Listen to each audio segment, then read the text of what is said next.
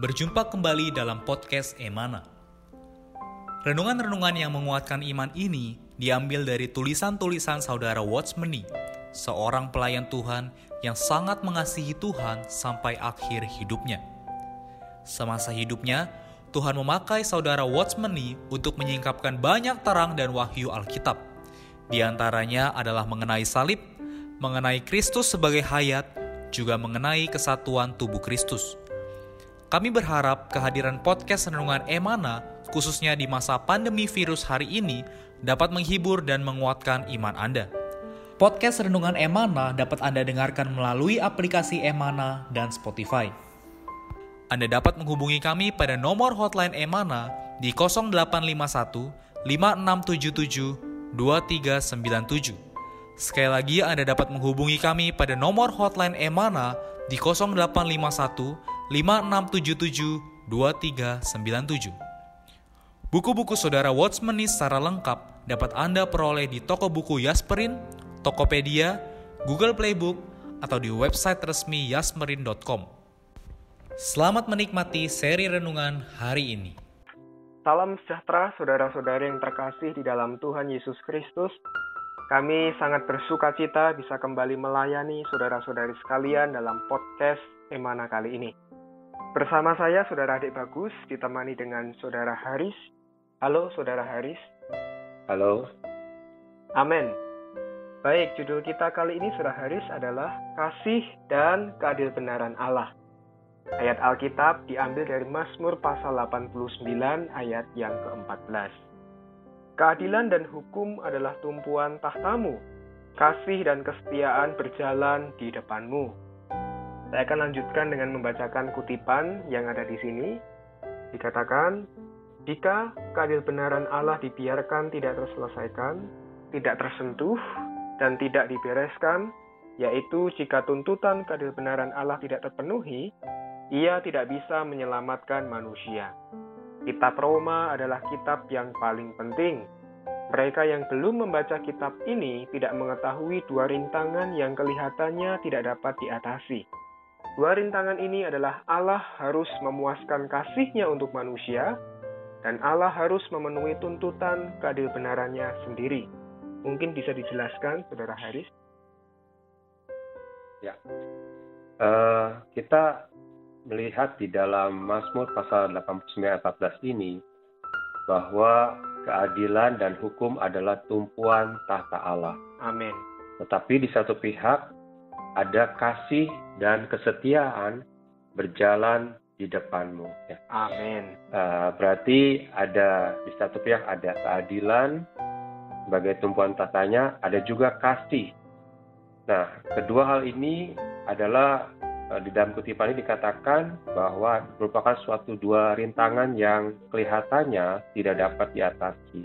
Yeah. Karena memang kedua hal ini agak sedikit ber uh, berseberangan atau ber, bertolak belakang ya karena begitu uh, di satu pihak kita ingin Allah ingin bertindak adil tapi di lain pihak dia juga uh, karena kasih dia ingin menyelamatkan manusia. Amin. Nah, Allah memiliki uh, keadil benaran di satu sisi, dan keadilan benaran itu adalah sebagai prinsip, standar, dan prosedur dia bekerja.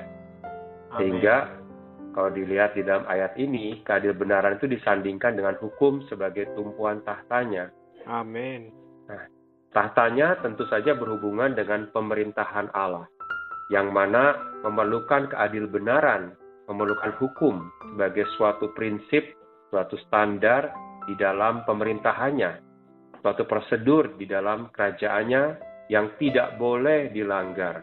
Amin. Tidak boleh sembarangan diabaikan atau ditinggalkan. Karena itu keadil benaran dan hukum menjadi suatu tuntutan yang harus Tuhan penuhi. Amin. Dan dan itu tidak bisa tidak gitu. Itu suatu harus suatu yang harus dipenuhi. Uh, lalu ketika kita lihat bahwa uh, di, uh, manusia sudah jatuh ke dalam dosa, manusia berdosa ini perlu diselamatkan. Ya. Namun menyelamatkan manusia karena eh, karena dosa mereka tidak begitu saja dengan gampang dilakukan oleh Allah. Mungkin bagi kita, karena Tuhan yang menciptakan manusia tidak sulit seharusnya bagi dia untuk mengampuni begitu saja, menyelamatkan begitu saja. Uh, sebenarnya tidak gampangnya Tuhan menyelamatkan manusia bukan karena masalah kemampuan, tetapi uh, masalah adanya tuntutan keadil benaran yang sudah menjadi prinsipnya, Amin. yang menjadi suatu prosedur jadi suatu standar di dalam uh, pemerintahannya dan kerajaannya yang tidak bisa dilanggar. Iya. Nah, karena itulah kalau kita lihat contohnya gambaran tuntutan keadil benarannya ini terlihat dalam kitab Kejadian pasal 3 ayat 24. Ketika itu manusia jatuh dalam dosa, manusia dihalau oleh Allah keluar dari Taman Eden. Lalu ada keruk yang dipasang oleh Allah kerup dengan pedang yang bernyala-nyala dan menyambar yang menjaga jalan kepada pohon kehidupan. Ya. Nah, uh, gambaran tuntutan keadilan benaran Allah itu seperti kerup tadi dengan pedang yang bernyala-nyala yang menjaga jalan ke pohon kehidupan sehingga manusia tidak bisa menghampiri pohon kehidupan itu yang melambangkan diri Allah sendiri. Iya. Nah, tuntutan keadilan benaran itu adalah sebagai salah satu tuntutan di dalam kerup pedang yang bernyala-nyala ini yang harus dipenuhi agar manusia dapat kembali datang menghampiri Allah dan diselamatkan. Jadi, tuntutan kepada benar ini harus dipenuhi, harus dipuaskan, karena tanpa dipuaskan, tanpa dipenuhi, maka tidak ada keselamatan. Ya. Lalu apakah tuntutan keadil benarannya itu? Yaitu tidak lain adalah perlu yaitu tuntutan kematian dan pencurahan darah untuk pengampunan. Seperti yang ditunjukkan uh, di dalam kitab Roma pasal 3 ayat 25 bahwa kematiannya menjadi jalan pendamaian melalui iman dalam darahnya. Jadi bila tuntutan keadilan benarnya dipenuhi, maka keselamatan manusia itu menjadi sah. Amin. Menjadi tepat secara hukum tanpa cacat dan tidak bisa dituntut lagi. Amin. Nah, bila tuntutan keadilan benarannya diabaikan atau dilanggar, maka bukan hanya keselamatan itu tidak sah, Bahkan keadil benaran Allah pun tidak bisa menjadi tumpuan tahtanya. Uh, menjadi uh, uh, keadil benaran Allah bahkan dipertanyakan oleh musuh Allah. Di manakah keadil benaran Allah? Dan bahkan musuh Allah akan uh, musuh pun akan menuntut ketidakadilan telah terjadi pada Allah. Karena itulah Allah ingin menyelamatkan manusia, bekerja ingin menyelamatkan manusia, tidak bisa melanggar keadil benarannya. Itu adalah suatu tuntutan yang harus dipuaskan. Nah, di sisi lain, kita tahu bahwa Allah juga memiliki kasih. Ya. Tadi dalam kitab Mazmur dikatakan ada keadilan atau keadil benaran dan hukum, ada juga kasih. Ya di situ berdampingan. Ya. Allah adalah kasih. Karena kasihnya kepada manusia begitu besar, begitu dalam, bahkan jauh melebihi kasihnya kepada malaikat. Ya. Malaikat jatuh, dibiarkan manusia jatuh ke dalam dosa, lalu Allah mau menyelamatkan. Ini semua karena kasihnya yang begitu besar. Dan kasihnya yang begitu besar itu eh, tidak bisa tidak diekspresikan melalui dia menyelamatkan manusia.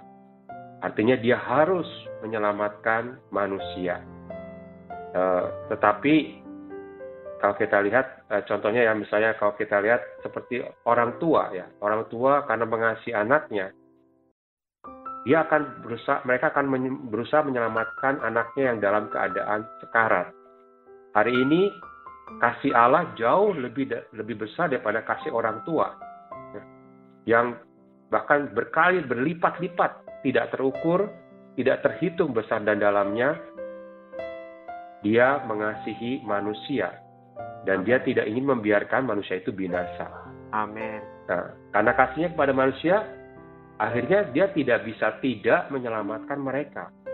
Bahkan Allah mau mengambil cara yang paling merugikan dirinya sendiri pun harus diambil cara itu melalui datang menjadi manusia yang rendah dan terbatas, mau menempuh kehidupan manusia dalam penderitaan, bahkan terakhir mau berkorban mati di salib menggantikan manusia berdosa. Amin. Dia mau mengambil jalan menanggung hukuman bagi kita. Dia mau menjadi pengganti kita, menebus kita dari tuntutan hukum Taurat, menebus kita dari tuntutan keadil benarannya. Amin. Dia memenuhi tuntutan keadil benarannya sendiri bagi kita. Itu semua karena kasihnya pada kita. Jadi di satu aspek dia harus memenuhi tuntutan keadil benarannya tapi di aspek lain, kalau tuntutan keadil benarannya saja yang ada, maka manusia pasti binasa. Tidak ada selamat. Nah, perlu ada kasihnya yang mengimbangi, yang ingin menyelamatkan manusia, tapi dia juga tidak melanggar keadil benarannya dengan cara dia berkorban, menjadi pengganti kita, memenuhi tuntutan keadil benarannya, dan di satu aspek dia juga memuaskan kasihnya kepada Amen. manusia. Nah, dia mengekspresikan memuaskan kasihnya yang tidak terkendali kepada manusia itu dengan mati bagi kita tanpa syarat. Ya. Amin. Ya. Kasihnya, pengorbanannya tidak mempedulikan bagaimana respon manusia itu peduli atau tidak padanya. Ya. Tidak mempedulikan respon manusia itu nantinya mengasihi dia atau tidak biarlah kita semua bisa terjamah oleh kasihnya Amin. yang dia ekspresikan tanpa syarat bagi kita. Amin. Biarlah kita terjamah oleh kasihnya sehingga kita percaya padanya, menerima dia, dan kita diselamatkan, bahkan kita dibenarkan. Amin. Bahkan di dalam kitab Roma dikatakan bahwa uh, ketika dia menyelamatkan kita, membenar, uh, menerima, kita melalui percaya dan menerima dia, maka dia membenarkan kita. Pembenarannya atas kita ini menunjukkan keadil benarannya. Amin. Keadil benarannya sudah dipuaskan. Keadil benarannya telah membenarkan kita. Bahkan kita sendiri dijadikan adil benar. Melalui dia sang adil benar, masuk ke dalam kita, tinggal dalam kita menjadi keadil benaran kita. Amin.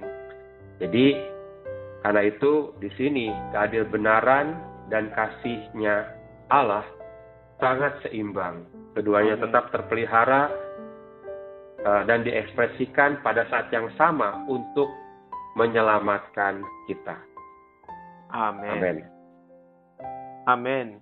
Baik, saya akan melanjutkan membacakan kutipan yang ada di sini.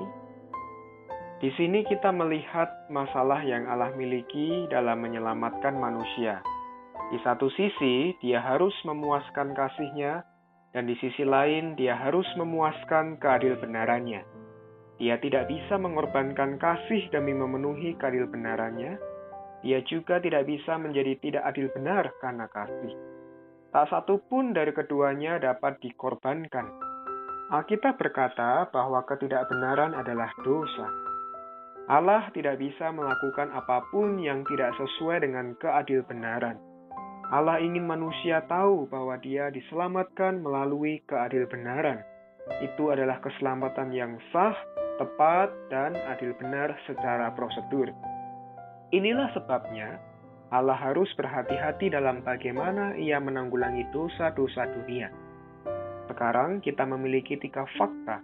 Manusia adalah orang berdosa, Allah penuh dengan kasih, belas kasihan, dan anugerah serta Allah itu adil benar.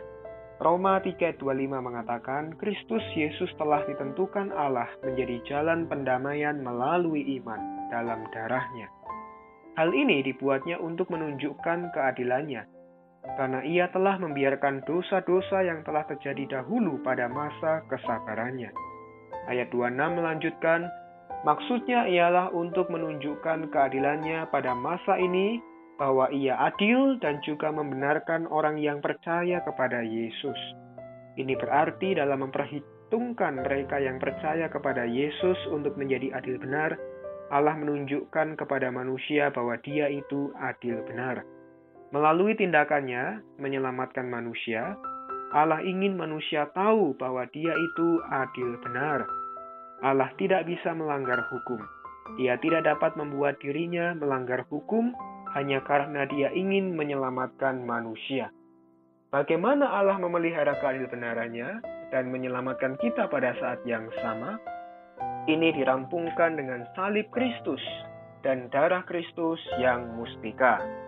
Puji Tuhan, dari kutipan ini, saudara-saudari kita melihat bahwa meskipun ada keadil benaran yang Allah miliki dan juga ada kasih Allah, uh, kita sebagai orang dosa telah menerima keselamatan yang sah, yang tepat, yang adil benar secara prosedural sudah Kristus tempuh bagi kita.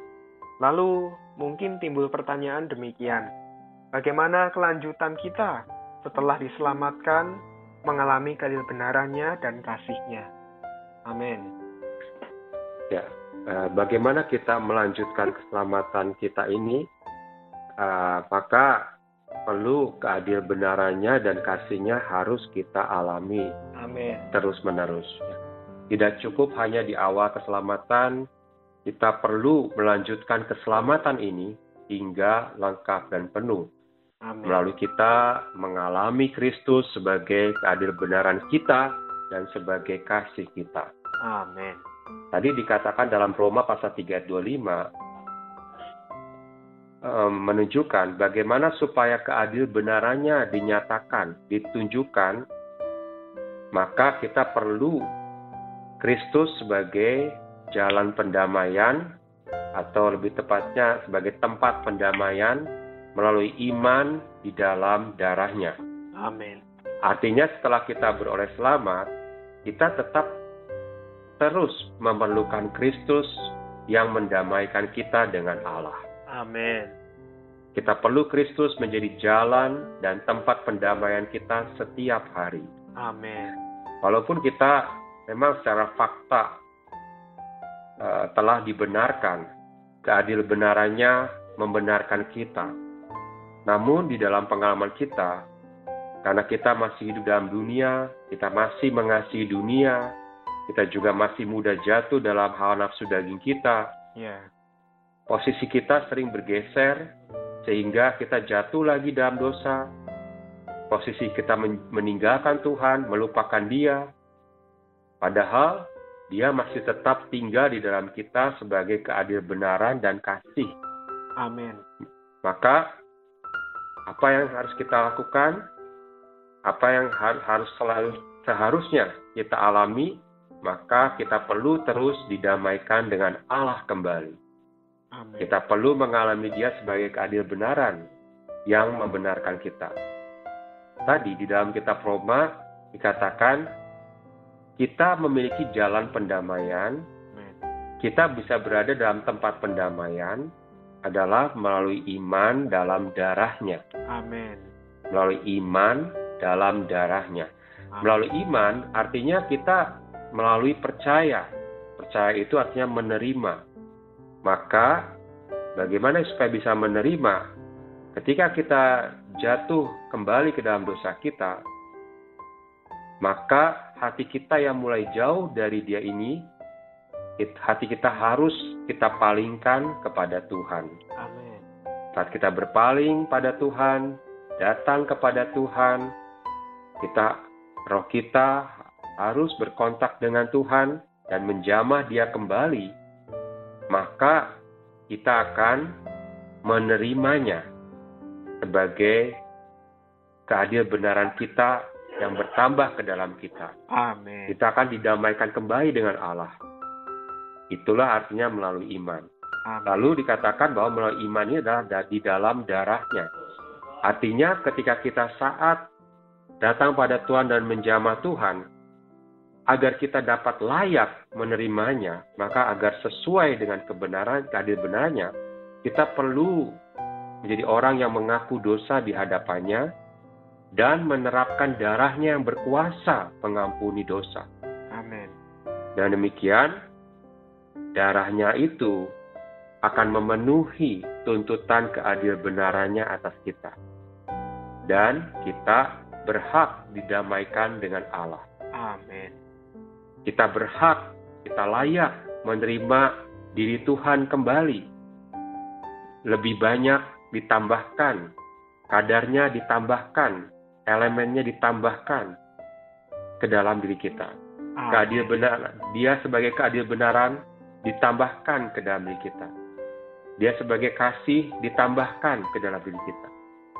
Jadi kita perlu jadi seorang yang berpaling pada Tuhan, hati kita menjamah diri Tuhan, mengaku dosa di hadapannya, dan terus menerapkan darahnya yang berkuasa, supaya dengan demikian kita layak menerima dia, me- eh, me- menerima elemennya, menerima dirinya lebih banyak bertambah ke dalam kita, dan kita mengalami keadil benarannya dan kasihnya. Amin. Amin. Amin. Puji Tuhan. Sebagai kesimpulan, Saudara Haris, di dalam kasih kami minta Saudara Haris untuk mendoakan kita. Amin. Amin. Saudara-saudari, mari kita semua berdoa. Amin. Tuhan Yesus, terima kasih Amin. Kau adalah Allah yang adil benar. Ya. Tumpuan tahtamu adalah keadil benaran. Amin. Tetapi kau juga adalah Allah yang penuh kasih. Betul. Tuhan terima kasih karena kasihmu yang begitu besar dan dalam. Amin. Kau telah menyelamatkan kami. Amin. Tetapi kau pun tidak melanggar keadil benaranmu.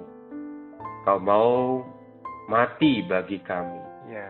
Kau mau menjadi manusia bagi kami. Amin. Bahkan menjadi pengganti kami di kayu salib.